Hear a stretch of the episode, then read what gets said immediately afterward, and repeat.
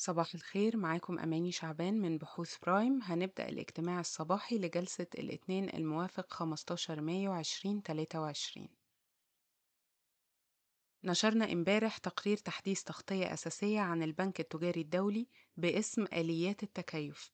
رفعنا فيه السعر المستهدف خلال 12 شهر ل 59 جنيه و40 قرش للسهم وخفضنا التصنيف إلى محايد مخاطرة متوسطة. بنناقش في التقرير أسبابنا لتحديث القيمة العادلة للبنك التجاري الدولي وعلى رأسها كيفية تعامل البنك مع التحديات اللي واجهها في سنة 2022 وإزاي قدر إنه يستمر بالأداء المذهل طول سنة 2022 وصولا للربع الأول من 2023 اللي أعلن عن نتائج أعماله المستقلة امبارح. تفاصيل التقرير بالكامل هتكون متاحة في حلقة منفصلة من بودكاست Prime Talk أما بالنسبة لأخبار النهاردة هنبدأ بأخبار ال macro. شركة الإسكندرية الوطنية للتكرير وشركة سكاتك النرويجية وقعوا اتفاقية تطوير مشترك لمشروع جديد لإنتاج الميثانول الأخضر. يعد المشروع ده هو الأول من نوعه في مصر والشرق الأوسط. هيئة الرقابة المالية تعلن عن إطلاق أول صندوق استثمار للذهب في مصر اليوم. الحكومة المصرية تمنح شركة مينيرفا العالمية أول رخصة في مجال خدمة تموين السفن بالوقود في الموانئ المصرية. أما بالنسبة لأخبار الشركات ففي أكتر من بنك وأكتر من شركة أعلنوا عن نتائج أعمالهم. هنبدأ الأول بالبنك التجاري الدولي اللي أعلن عن نتائج الربع الأول 2023 وأظهر نمو في صافي الأرباح ل 6 مليار جنيه وده يعتبر الرقم القياسي الجديد للأرباح الربع سنوية. الأرباح دي كانت بارتفاع 55% على أساس ربع سنوي وده كان على خلفية زيادة 19% على أساس ربع سنوي في صافي الدخل من العائد اللي وصل 10.8 مليار جنيه. وبالتبعية هامش صافي الدخل من العائد السنوي وصل لسبعة ونص في المية. بالنسبة لقروض البنك ارتفعت 11% من بداية السنة ل 243 مليار مدفوعة بقروض الشركات ومعاها حصل ارتفاع طفيف في القروض غير المنتظمة اللي وصلت ل 5.2% ولكن بيعادلها ارتفاع في معدل التغطية اللي وصل 233% الودائع كمان ارتفعت 8% من بداية السنة ل 574 مليار مع وصول نسبة إجمالي القروض إلى الودائع ل 42%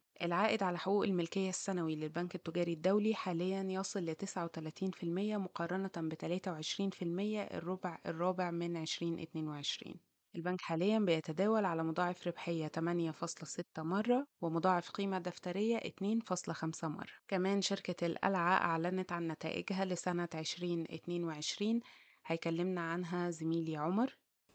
أصدرت شركة القلعة للاستثمارات المالية خسارة 2.3 مليار جنيه على الرغم من الإيرادات زادت بنسبة 113% على أساس سنوي وصلت 97.7 مليار جنيه وهامش مجمل الربح برضو زاد بنسبة 23 نقطة مئوية على أساس سنوي وصل 35% الدافع الرئيسي لصافي الخسارة هي خسائر فروق عملة بلغت 4.7 مليار جنيه وده مقابل مكاسب فروق عملة ب 228 مليون جنيه في 2021 وأكبر مساهم لخسائر العملة الأجنبية هو هي مجموعة أسك القبضة في قطاع الأسمنت وهو سجل خسارة 3.2 مليار جنيه نتيجة مصنع السوداني للشركة وتقلب معدل الجنيه المصري للسوداني.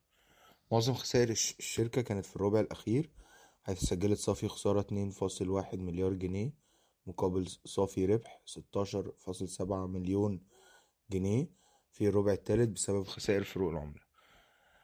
الدفع الأساسي لنمو الإيرادات هي كانت لشركة المصرية التكرير وهي شركة تابعة وتحسن هوامش الشركة بسبب ارتفاع أسعار بيع البترول.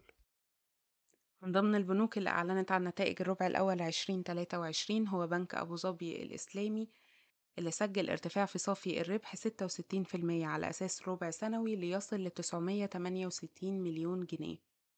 الارتفاع ده كان على خلفية ارتفاع 34% على أساس ربع سنوي في صافي الدخل من العائد اللي وصل 1.8 مليار وبالتبعية ارتفع هامش صافي الدخل من العائد ل 6.7% بالنسبة لنمو القروض ارتفعت القروض 7% من بداية السنة لتصل ل 63.8 مليار جنيه مع انخفاض نسبة القروض غير المنتظمة ل 1.8% وارتفاع نسبة التغطية ل 269% الودائع ارتفعت 4% من بداية السنة ل 102 مليار مع وصول نسبة إجمالي القروض إلى الودائع ل 63%. العائد المتوسط على حقوق الملكية لمصرف أبو ظبي الإسلامي ارتفع ل 41% مقارنة ب 28% في سنة 22 والبنك حاليا بيتداول على مضاعف ربحية 3.5 مرة ومضاعف قيمة دفترية فاصلة 9 مرة أما بالنسبة للنتائج المبدئية لكريدي أجريكول فصافي الربح ارتفع ل 1.2 مليار بارتفاع 50% على أساس ربع سنوي و150% على أساس سنوي. ده كان على خلفية ارتفاع 94% على أساس سنوي في صافي الدخل من العائد ليصل لواحد ونص مليار جنيه. ورغم إن البنك قدر إنه ينمي ودائعه بنسبة 12% من بداية السنة لتصل ل 68 مليار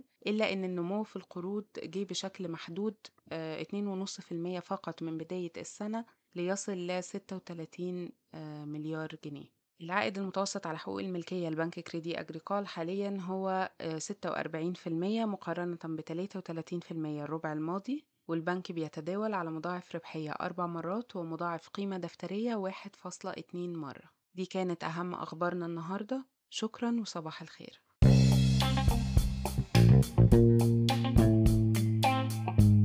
يرجى العلم أن هذا العرض هو لأغراض معرفية فقط ولا يمكن اعتباره عرض أو توصية شراء أو بيع أو إدارة استثمارات أو خدمات استشارية. ينصح باستشارة مستشارك المالي قبل اتخاذ أي قرار استثماري علما بأن الأداء التاريخي ليس مؤشرا يعتمد عليه لتحديد الأداء في المستقبل.